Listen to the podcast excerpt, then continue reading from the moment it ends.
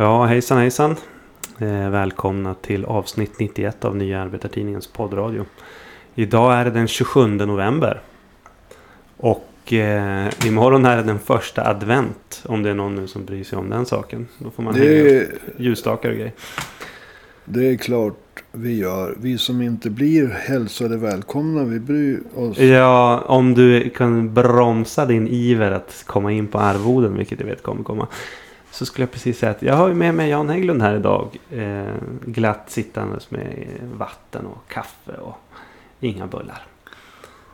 Eh, välkommen hit. Tack så mycket. Jag trodde du skulle säga vatten och bröd eftersom det här... det här får man inget bröd, det här är bara vatten. ja, just det. Va? Vad är det för Det lyx? var bonden, bondens, Tror du det här är typ ett ryskt eller turkiskt fängelse där man får bröd bondens vars häst dog. Därför att den inte fick hö. Ja. Bonden sa, det var synd att hästen dog. För annars hade jag lärt den, lärt, lärt den sluta dricka vatten också. Mm. Det är så jag känner mig här. Mm. I, I Gulag. Mm. Ja, så är det. Det. Livet är hårt men rättvist, eller vad är det man brukar säga? Ja, det är hårt och inte rättvist. 91 bloggar utan bensinersättning. Ja. Poddar är det vi Mm, mm, mm. Ja. Radio. Ljud Ja, ja, något nytt där. ska vi inte, ska vi inte vara sådana.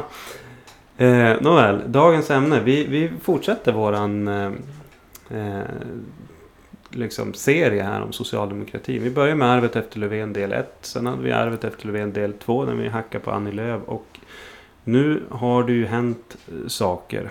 Eh, det var en väldigt dramatisk dag den 24 november. Där eh, dagen började med att eh, Annie Lööf sa att Centerpartiet skulle inte släppa fram sossarnas budget. Sen valdes Magdalena Andersson till statsminister. Sen röstades Moderaterna, Kristdemokraterna och Sverigedemokraternas budget igenom. Sen sa Miljöpartiet att de eh, tänker hoppa av regeringen. Och sen avgick Magdalena Andersson. Och eh, vad heter det nu? Eh, tanken är att vi ska gå igenom och, och eh, reda ut vad var det egentligen som hände. Eh, och vad, vad, vad de olika aktörerna eh, gjorde. Och, och vi, vi bör ju börja med Socialdemokraterna eftersom det är de som har varit eh, ja, haft huvudrollen i, i det här. Då. Och eh, ja, vad har du att säga till att börja med om, om, om Socialdemokraternas agerande den 24 november? Alltså. Jag läste vad Lena Melin i Aftonbladet sa. Det är ju aldrig upplyftande. Nej, sällan i alla fall. Och det var ju en primitiv spya mot Miljöpartiet. Alltså om vi går lite grann längre tillbaka till i somras. I samband med regeringskrisen då. Då sa Stefan Löfven. Efter det förnedrande. Liksom att, att han misstroendevotet. Misstroendevotumet mot honom. Han fick avgå. Ja. Det var en okynnesgrej som är olaglig i Tyskland. Ehm, Att han skulle inte, han skulle avgå om, om han inte fick igenom sin regeringsbudget i november. Och eh, det var också Miljöpartiets uppfattning. Mm. När de då eh, inte får igenom sin budget. Så gjorde Miljöpartiet som de hade sagt. Och jag har ofta varit kritisk mot Miljöpartiet. Jo. I en rad frågor. Men i det här fallet så gjorde de vad de och Stefan Löfven hade sagt. Mm. Får de inte igenom sin budget, då avgår de. Och eh, med tanke på att det politiska spelet sedan 2014 via decemberöverenskommelsen efter valet 2014 via januariavtalet efter valet 2018 har bestått av en rad kohandlar och manövrer. Jo. Och från socialdemokratins sida oändliga ideologiska reträtter. Mm. Så har man ju motiverat allting. Med att det handlar om att hålla SD utanför politiskt inflytande. Mm. Och eh, när då den här principen testas på allvar för första gången. Mm. Nämligen alternativet. Och när Stefan Löfven sa att han skulle avgå. Om man inte fick igenom sin budget i november. Då villkorade han inte det. Till att jag kommer avgå om det är en SD-förhandlad budget. Utan oavsett om SD hade varit med och tillskapa budgeten eller inte. Så sa han att han skulle avgå. Jo, precis. Men nu tillkom ju den viktiga faktorn. Som har varit vad socialdemokratin har motiverat alla sina eh, reträtter, manövrer med. Mm. I sju år. Jo. Sen de återfick regeringsmakten 2014. Att budgeten som då gick igenom istället för deras egen och Miljöpartiets. Var en budget som SD haft aktivt inflytande över att utarbeta. Mm. Men vad, vad tror du att det beror på att de gick? För det är verkligen så. Det har ju varit sju år av att de har Ja. matat fram det. Varför, varför, varför Och då sitter- de den och då- och då-? Och då Magdalena Andersson, hon gör alltså inte som Stefan Löfven. Nej. Hon sitter kvar. Hon försöker eh, förringa. Eh, hon, hon räknar procent eftersom hon har fötts, vuxit upp och eh, ja, mognat i, i, i finansdepartementet. Mm. Har åt utredningar och siffror till frukost, lunch, middag. Ja. Så, så, så ser hon på procenten. Ja men det är ju en liten procent. Det är ju bara 20 miljoner miljarder av 1200 miljarder. Ja men det handlar ju inte om det. Det handlar ju om att har man i sju år sagt att man ska hålla utan Helst utanför politiskt inflytande.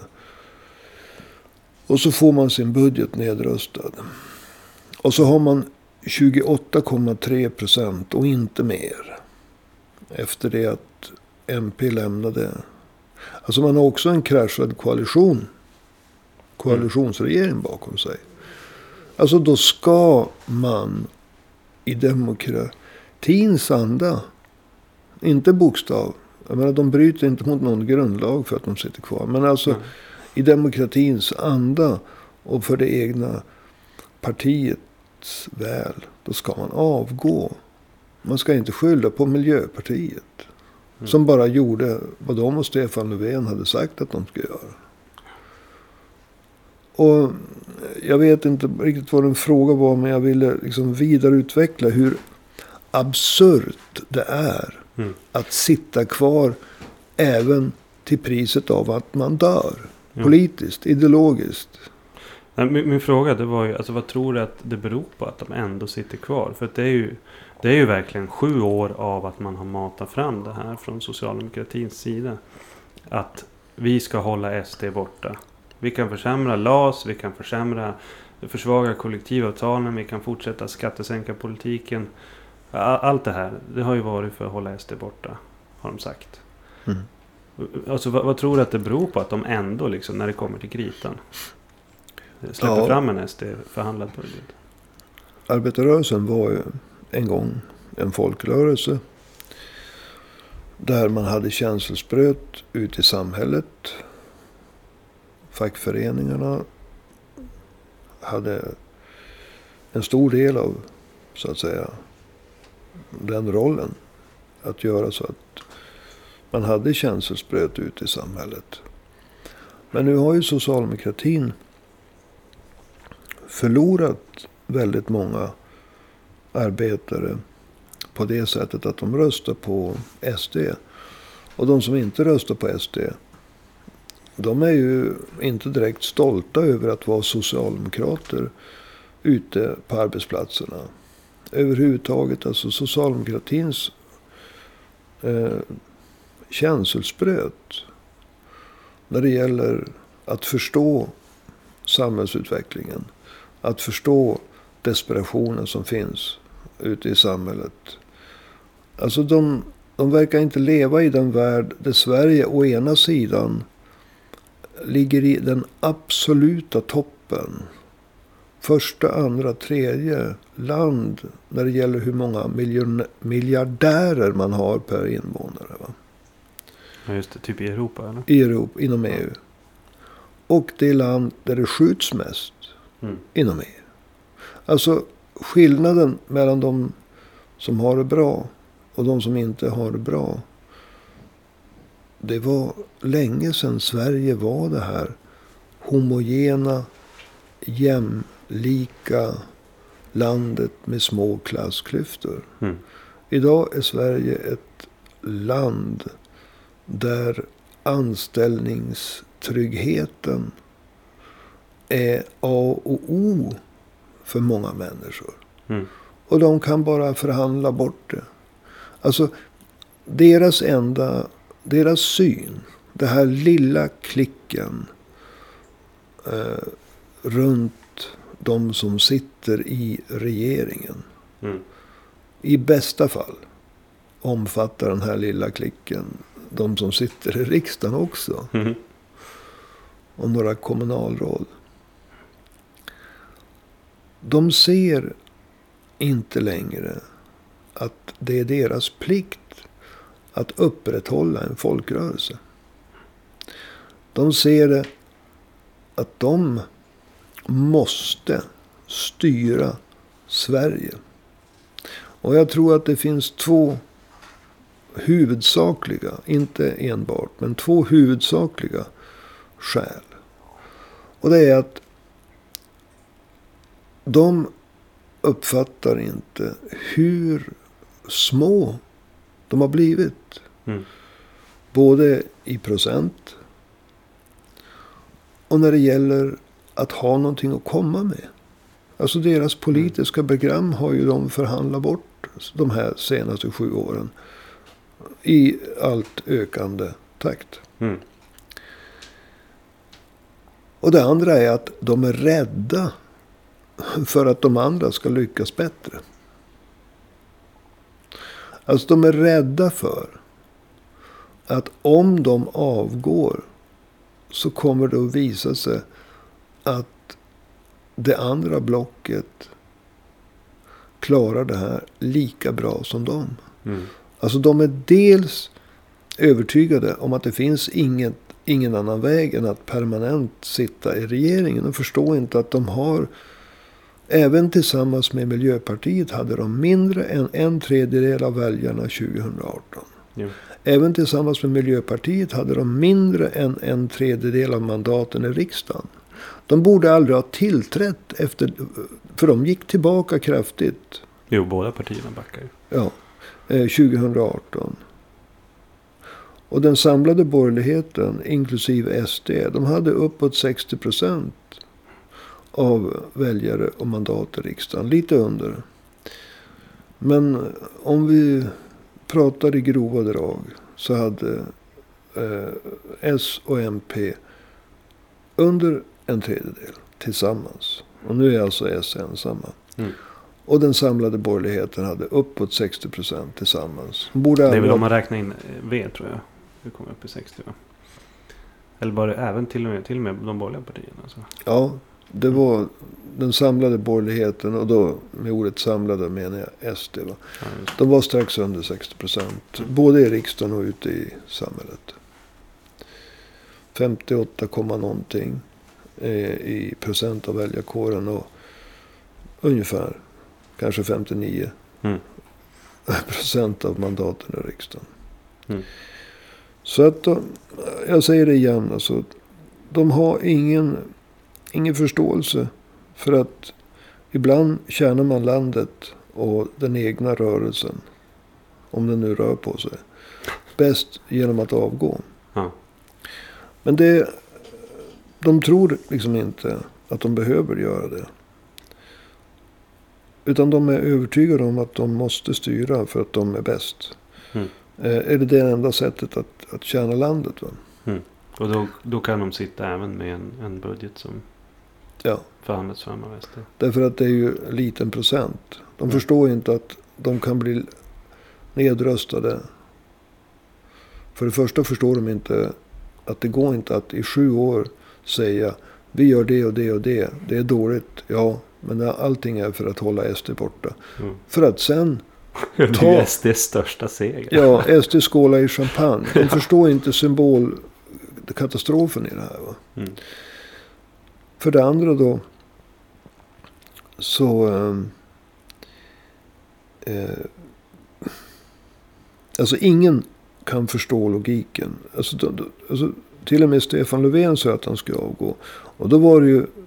Spelar ingen roll om SD var, med eller inte. Va? Eh, men den andra saken är att jag tror alltså att de också är väldigt rädda. För att om de lämnar över nu. Mm. Så kommer det att visa sig att det andra blocket.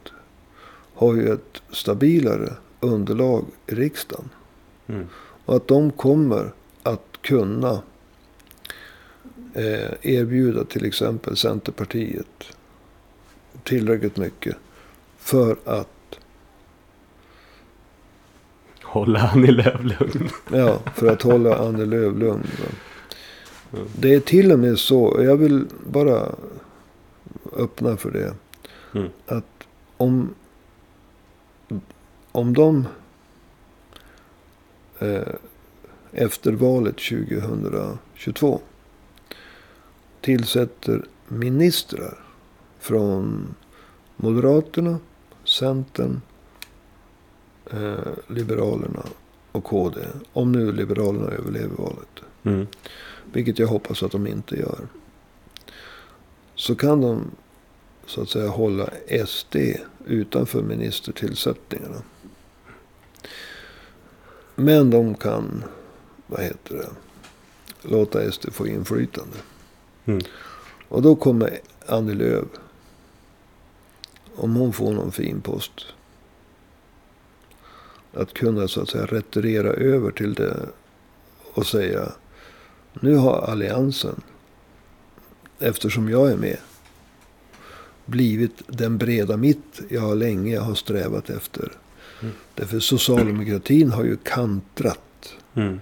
vänsterut. Mm. Och Så så vi lä- måste börja gå in på, på Centern och Annie Lööf. Ja, ja. Och deras agerande den 24. men, men jag vill bara förklara hur det skulle kunna... Ja. Det är det jag är inne på nu. Va? Ja. Alltså. Om, om hon bara får en, ett halmstrå. Där hon kan säga. Ja men den gamla alliansen. Är återupprättad. Mm. Det är den breda mitten. Som jag har letat efter. Men den fanns ju inte. Och sen så får inte SD någon ministerpost. Då kan de säga, nej men SD har ju inga liksom, ministerposter. Så de, ja, de måste ju stödja oss om de vill. För vi bryr oss ju inte. Mm. Ja. Och sen då så säger de, ja Socialdemokraterna har ju kantrat åt vänster. Så jag kan ju inte vara kvar där. Jag, Annie. Mm. Så, alltså, jag tror Socialdemokraterna är rädd för att de andra skulle lyckas bättre. Och det där, det är ju liksom deras absoluta skräckscenario. Om de nu har tänkt så långt. Men, de behöver inte få med Annie Lööf. Alltså Socialdemokraternas budget, alltså underlag, är 28,3 procent. Och de kommer, alltså Magdalena Andersson kommer att få krypa för att få med sig Miljöpartiet och Vänsterpartiet. Mm. Och hon måste ju också ha med sig Centern om hon ska få igenom någonting. Jag tror inte de förstår att den här eh, valnederlaget, det kan bli ett recept för va, va, hur det kommer att gå för alla viktiga förslag Socialdemokraterna kommer med fram till valet. Mm. De, kan, de riskerar att framstå som den minst handlingskraftiga regeringen som Sverige har haft i mannaminne. Mm, ja, det är inte omöjligt. Men du, ska vi gå in här på Annie Lööf och Centerpartiet? För de måste ju sägas vara den andra stora viktiga aktören här under den 24 november. Och den mest destruktiva. Ja. Genom hela den här processen. Vad har du liksom... Vad, vad tycker du om Annie Lööfs agerande? Jag tänker på en tornado som brukar svepa in över den amerikanska södern. Louisiana, Georgia, Florida. Med stor förödelse. Enorm förödelse. Alltså hon har lyckats eh, utnyttja januariavtalet för att åstadkomma följande. Socialdemokraterna har gjort sina största ideologiska reträtter för att hålla, hålla Annie Lööf på bra humör. Alltså att ge upp och försämra LAS. Ja. Det är en ideologisk reträtt av enorma mått. Mm. Att fortsätta alliansens skattesänkarpolitik och vi har räknat ut det här. Det är ju 68 miljarder. Jo. Vi kan avrunda det till 70. Mm. Det blir lättare. Därför att sossarna kritiserade alliansens skattesänkarpolitik. Och den handlar om, det brukar man säga, 140 miljarder. Mm. Genom att själva fortsätta att sänka skatten med 70 så har man ju indirekt även accepterat alliansens skattesänkningar på 140 miljarder. Mm. Och därmed får den offentliga sektorn, sjukvården i pandemitider, skolan, äldreomsorgen, infrastrukturen 210 miljarder mindre varje mm. år. Och det, att, att fortsätta sänka skatterna det är en lika nästan stor, eller ja, det är i paritet med LAS. Mm. Att fortsätta alliansens skattesänkarpolitik. Speciellt med tanke på att sossarna på sin partikongress 2017 sa att eran av skattesänkningar är över. Jo. Eh, hon har, och som sagt de har försämrat kollektivavtalen. De slog in på en väg som kunde ha ja, fri hyressättning i nyproduktion av ja, hyresrätter. Precis. Ett första steg mot marknadshyror. Mm. Det här har i sin tur då inneburit för det första att det uppstod en motsättning mellan LO och Socialdemokraterna. Och då agerar Stefan Löfven så att han vann över två LO-förbund. Så att splittringen blev inte omedelbart mellan S och LO utan det var inom LO. Mm. Och den sprickan kvarstår ju. Men han kan ju inte tro att sprickan mellan LO och S försvann för det. Nej. Utan naturligtvis så är det bittert för LO att förbund ställs mot förbund. Sen inom LO så är det ju så att det spelar ingen roll om förbunden har gått med på eh, vi, alltså de flesta förbund nu har gått med på den här LAS-uppgörelsen. Deras medlemmar drabbas ju av den liksom varje dag på jobbet. Ja, precis. Så att det finns ju sprickor mellan LO-förbund och mellan toppar och eh, de anställda inom LO-förbunden. Sen så har det ju blivit en djup och varaktig söndring mellan S och V. Mm. Och slutligen så lyckades Anne Löfven även spräcka koalitionsregeringen. Ja.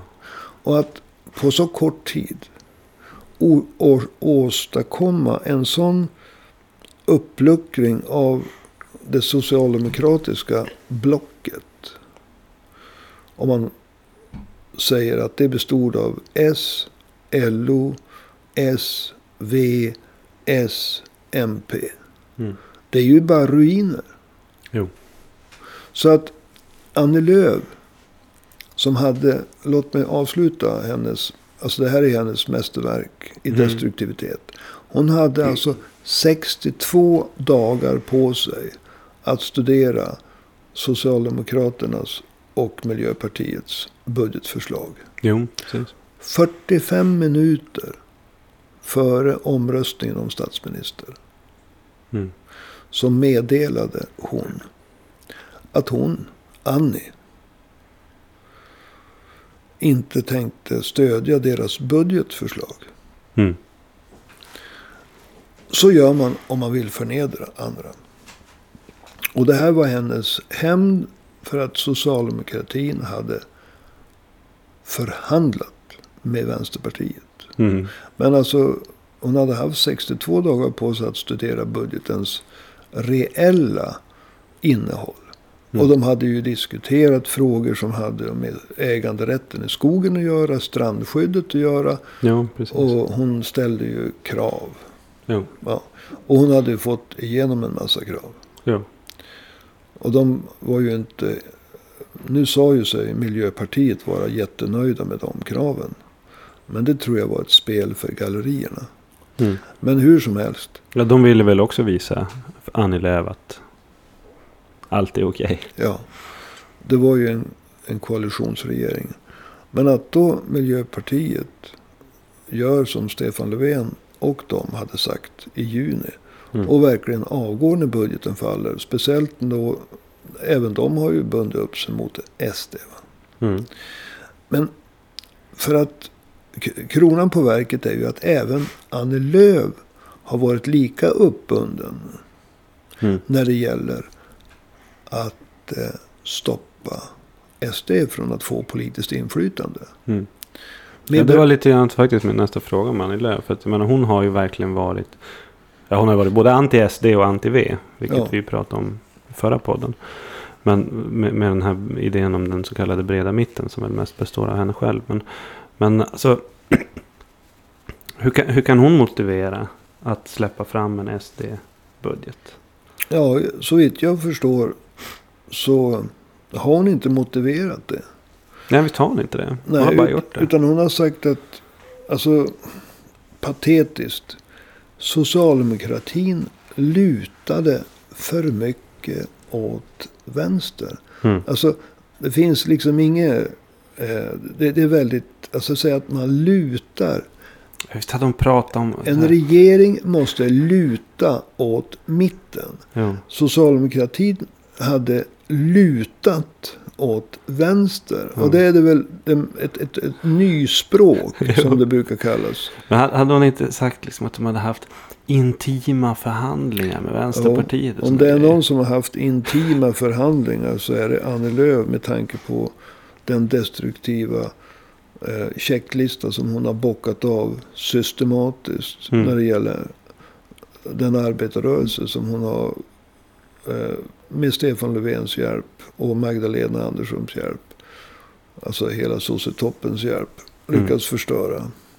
Eller åtminstone ett kvadda ordentligt. Va? Mm. Frontalkrock kan man säga med verkligheten.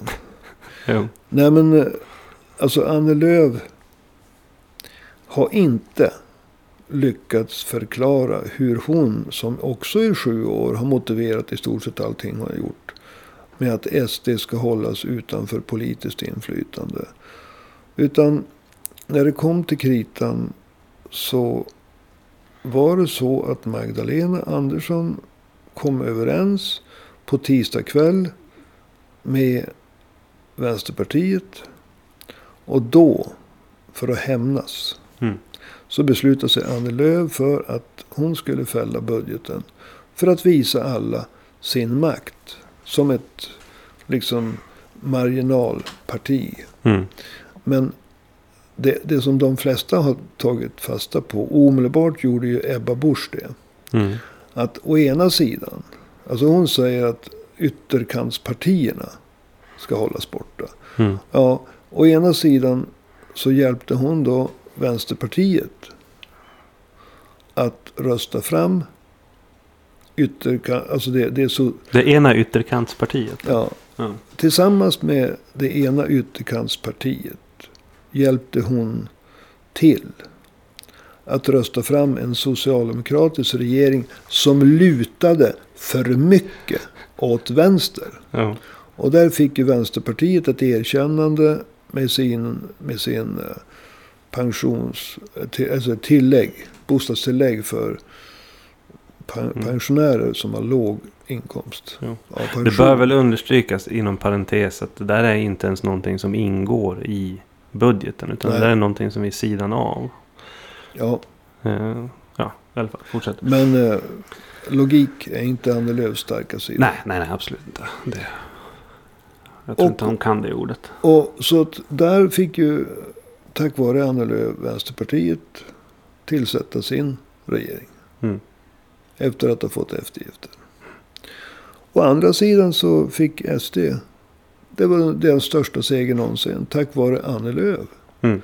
Det var Annie Lööf som ställde de mandat till förfogande som krävdes för att en, eh, det man brukar kalla SD-förhandlad budget skulle vinna i riksdagen. Mm. Och sen har då Magdalena Andersson, alltså den dåliga smaken att inte avgå. Mm. Och därmed, tack vare att Annie Lööf gjorde grovjobbet och Magdalena Andersson vägrar avgå. Så Mm. kan SD sitta och skåla i champagne och Mm. säga Mattias Karlsson, han brukar gå under namnet SDs chefsideolog. Mm. Han säger att det här var vår största framgång sedan SD bildades. Mm. Och det har hon ju rätt i. Ja, jag tror att eh, eh, i, i, eh, han har ju rätt i det. Jag tror att om man tänker efter vad han sa. När SD bildades så var det ett renodlat nazistparti. Mm. Jag tror att i glädjeyran och kanske efter att ha intagit mer eller mindre champagne. Alltså Mm. jag har bara hört att de öppnar champagneflaskorna. Jo. Eller också var det bara i ren glädjeyra. I en sorts euforisk stämning. Mm. Glömde att han borde ha sagt att det här var vår största framgång. Sen vi drev ut nazisterna Mm. ur partiet. Jo. Därför att deras största framgång sedan de bildade partiet. Då eh, borde han ha tillagt. Det var den största framgång sedan vi bildade det nazistiska SD. Och det tror jag inte han menade. Men det var vad han sa. Jag vill Mm. bara skjuta in det som en liten. Som ett tillägg. Men alltså. SD idag är inget nazistiskt parti. Det finns mycket att säga. Mycket negativt att säga om dem. Mm. Och de vann sin största seger. Precis. Men om vi, om vi börjar röra oss åt att avrunda det här med. Så finns, finns det någon väg framåt? Om du skulle säga. Alltså det här, det här borde socialdemokratin eh, göra i det här sammanhanget. Ja. Eller rent allmänt. Eh, vad, Det- vad, vad, vad tror du är vägen framåt? Där? Alltså det socialdemokratin kan göra. Det är ju att kalla till presskonferens. Och säga så här. Ja, efter att vi nu har fått lite tanke betänketid. Så inser vi att vi tjänar landet bäst genom att avgå. De behöver ju inte säga att de eh, avgår också för att lappa ihop sitt förhållande. Att de vill bidra till att för, lappa ihop förhållandet till LO. De vill bidra till att lappa ihop LO. Mm. Och att de naturligtvis måste inse vem Anne Löfven är. En destruktiv tornado. Mm. Och istället försöka återupprätta sina relationer till Vänsterpartiet. Och med denna grund göra en satsning på att återvinna de arbetare som numera röstar på eh, SD. Mm. Därför att det Socialdemokraterna, deras strategiska val. Det var att istället för att försöka återvinna de oerhört många arbetare som idag inte röstar på S. Eller V. Utan har bytt block och hamnat hos SD. De valde alltså att e- ersätta sin försvagade ställning hos LO-arbetare med ett förstärkt samarbete med borgerligheten Mm. och framförallt med Annie Lööf. Jo. Och det har lett socialdemokratin till en akut kris. Dels som regeringsparti, dels när det gäller sin storlek och dels när det gäller sitt politiska budskap. Mm. Detta var ett strategiskt vägval och det har slutat i en katastrof. Mm. Ja, verkligen. Och de skulle kunna under i stort sett vilken motivering som helst avgå. Och så sikta på att göra comeback. Och det kanske... Alltså jag är ganska en, tveksam till att socialdemokratin kommer att kunna bilda någon regering efter valet 2022. Mm. De kommer, tror jag, att få ett bättre valresultat 2022 om de förklarar att de avgår. De Jo. eh, ska göra som Stefan Löfven sa i somras. Och så låter de Ulf Kristersson ta hand om det här. Det är ju ändå hans budget. Jo. Eh, tillsammans med de andra. Vad tror du om det här med extraval då? Finns ju... Ja, alltså. Det, det, det, det, det, det enda hedliga det är ju att när det politiska skrået. Och där är de ju skyldiga allihop. Därför att naturligtvis. Räknar man rent procentuellt. Så är ju 20 miljarder av 1200 miljarder. En väldigt liten summa. Och det är ju den enda förändring som eh, Ulf Kristerssons block fick igenom. Ehm, men det symbolvärde som den representerar och den framtid som det antyder att man kan bli nedröstad hela tiden. Det gör ju att, ett, att bollen måste, när det är politiskt, så, så jag menar, det, det jag vill säga det är att även den sidan deltar ju i det här taskspeleriet. Så att Jo. Eh, när det politiska skrået har misslyckats. Då måste bollen, och då med bollen menar jag ansvaret. Eh, tillbaka till väljarna. Mm. Alltså politikerna i riksdagen måste in, inse. Vi har misslyckats. Det är liksom ett, ett, ett eh, maktspel. Men det är för partiernas bästa. Och eh, man måste ge väljarna förtroendet att bedöma hur de här maktspelande partierna har skött sig. Och ge dem möjlighet att eh, ge väljarna möjlighet att utdela ris och ros. Och då kan det hända att vissa partier får lämna riksdagen. Det kan hända att andra stärks. Mm. Men då har den regering som tillträder i alla fall möjlighet att skaffa sig ett både folkligt mandat och en, ett mandat i riksdagen som gör att det kan driva sin egen politik. Mm. Och de som gnäller över att det skulle vara för nära eh, det ordinarie Ja, det är valet. Det är bara tio månader. Ja, det, är- det är bara gnällspikar. Därför att alla har vetat att den här situationen har kunnat uppstå när som helst. Mm. Men speciellt har det varit tydligt sedan Stefan Löfven i, i juni någon gång. I samband med förra regeringskrisen i alla fall. Mm. Juni, juli. Sa att får jag inte igenom min budget då avgår jag. Och då alla. De enda som inte är förberedda. Det är de som inte har velat vara förberedda. Jo. Och med tanke på att det är många borgerliga tidningar som är rädda att eh, Liberalerna ska falla ut ur riksdagen. Så kommer naturligtvis tidningarna att blåsa upp. Att eh, det är så nära valet och bla bla bla. Men Ja. alltså det är inte det som står på spel.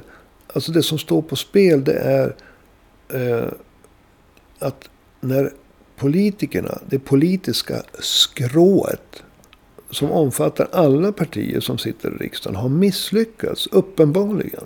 Mm. Som helhet betraktat. Då måste bollen, ansvaret tillbaka till väljarna. Det spelar ingen roll om det är tio månader eller så till ordinarie val. Mm. Den här regeringen som eh, sitter nu.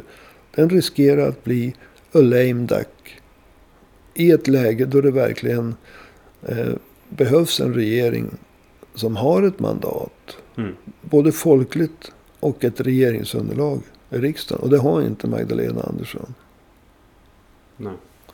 Och socialdemokratin skulle dessutom må arbetarrörelsen i en bredare historisk bemärkelse. Jag tänker inte bara på eh, partier och fackföreningar. Jag tänker också på den historiska traditionen.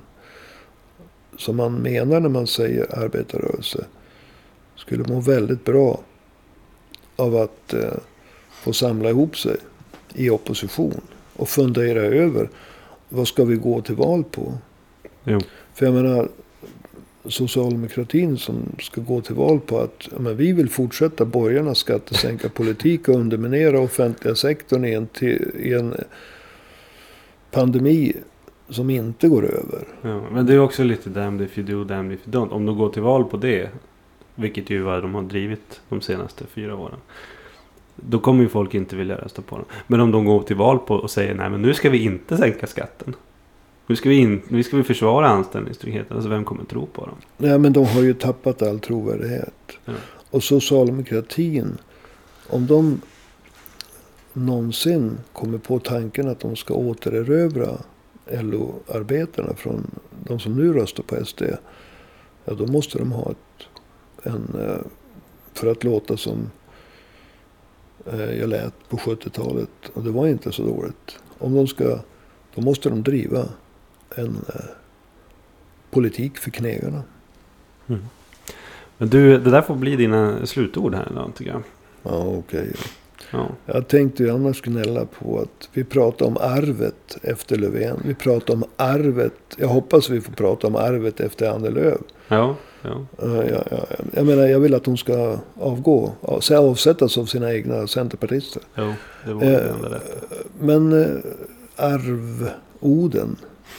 Arvoden. Vadå, är det någonting som har med asatro att göra eller? Arvtor? Nej, Arvfrigg? det är ju så här att i Arvoden känner jag inte till. Nu- Nej, nu nej har- ingen sån. Nu, nu kommer ju, tack vare att den, det andra budgetförslaget gick igenom. Det kanske blir lite billigare att köra hit varje gång vi ska ha en podd.